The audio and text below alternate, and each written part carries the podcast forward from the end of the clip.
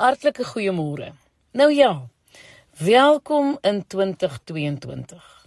Die jaar 2021 was vir elkeen van ons in eie reg uitdagend.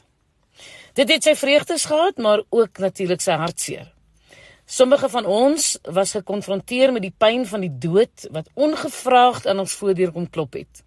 En ek is regtig jammer vir elkeen wat iemand aan die dood moes afstaan.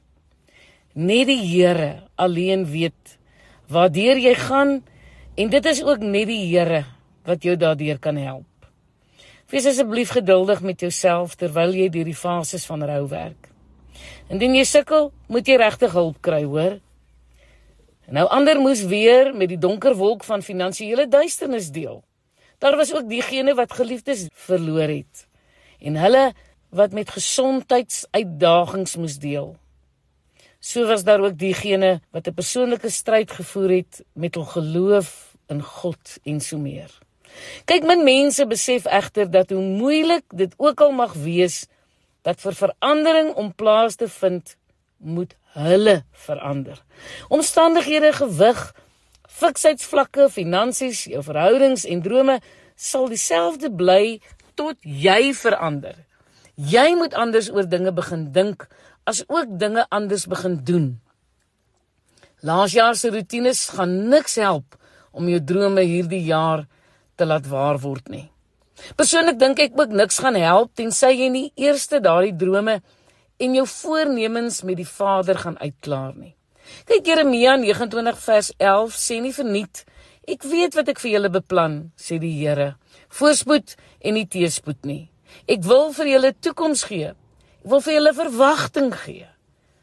Kry jou drome, jou gedagtes en ook jou rotines in lyn met wat God vir jou beplan dan sal jy hierdie jaar met soveel meer durf en ook vreugde kan aanvat. Nou ja, dit is sodat nie almal opgewonde is oor die jaar wat voorlê nie, hoor. So baie mense staar hulle blind en die reuse op hulle pad.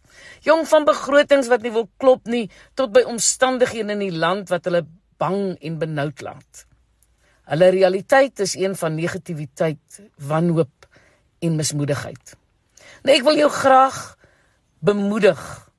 Daar is vele nuwe geleenthede, projekte en avonture wat wag. Gryp hierdie jaar saam met my aan met die geloof van Abraham, die geduld van Job en die wysheid van Salomo en die impulsiewe waterloop avonture van Petrus. Hierdie jaar wil ek na jou 'n hand uitsteek en sê man, vat my hand en leer saam met my om met geloofsoë na die wêreld te kyk God is steeds in beheer en die oorwinning is tog klaar behaal. Saam kan ons oorwinnaars in as oorwinnaars in Christus leef. En dan baie belangrik onthou, 'n dankbare mens is nooit 'n gevaarlike of 'n bitter mens nie, maar 'n ondankbare mens daarenteen is 'n onaangename as ook 'n gevaarlike mens.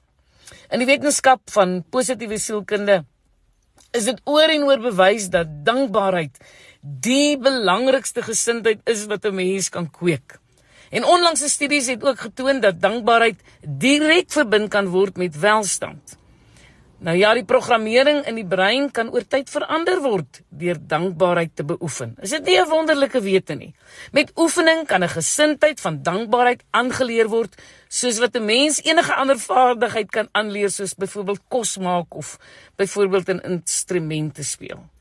Ek wil vir jou vra, kies vandag doelbewus om dankbaar te leef.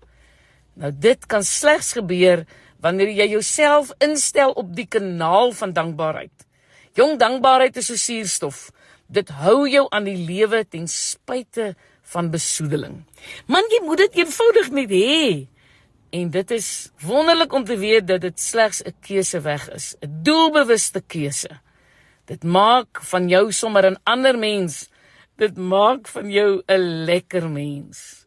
Mag 2022 vir jou 'n jaar van dankbaarheid en vele oorwinnings wees. Ek is Lenet Beer vir Radio Kansel.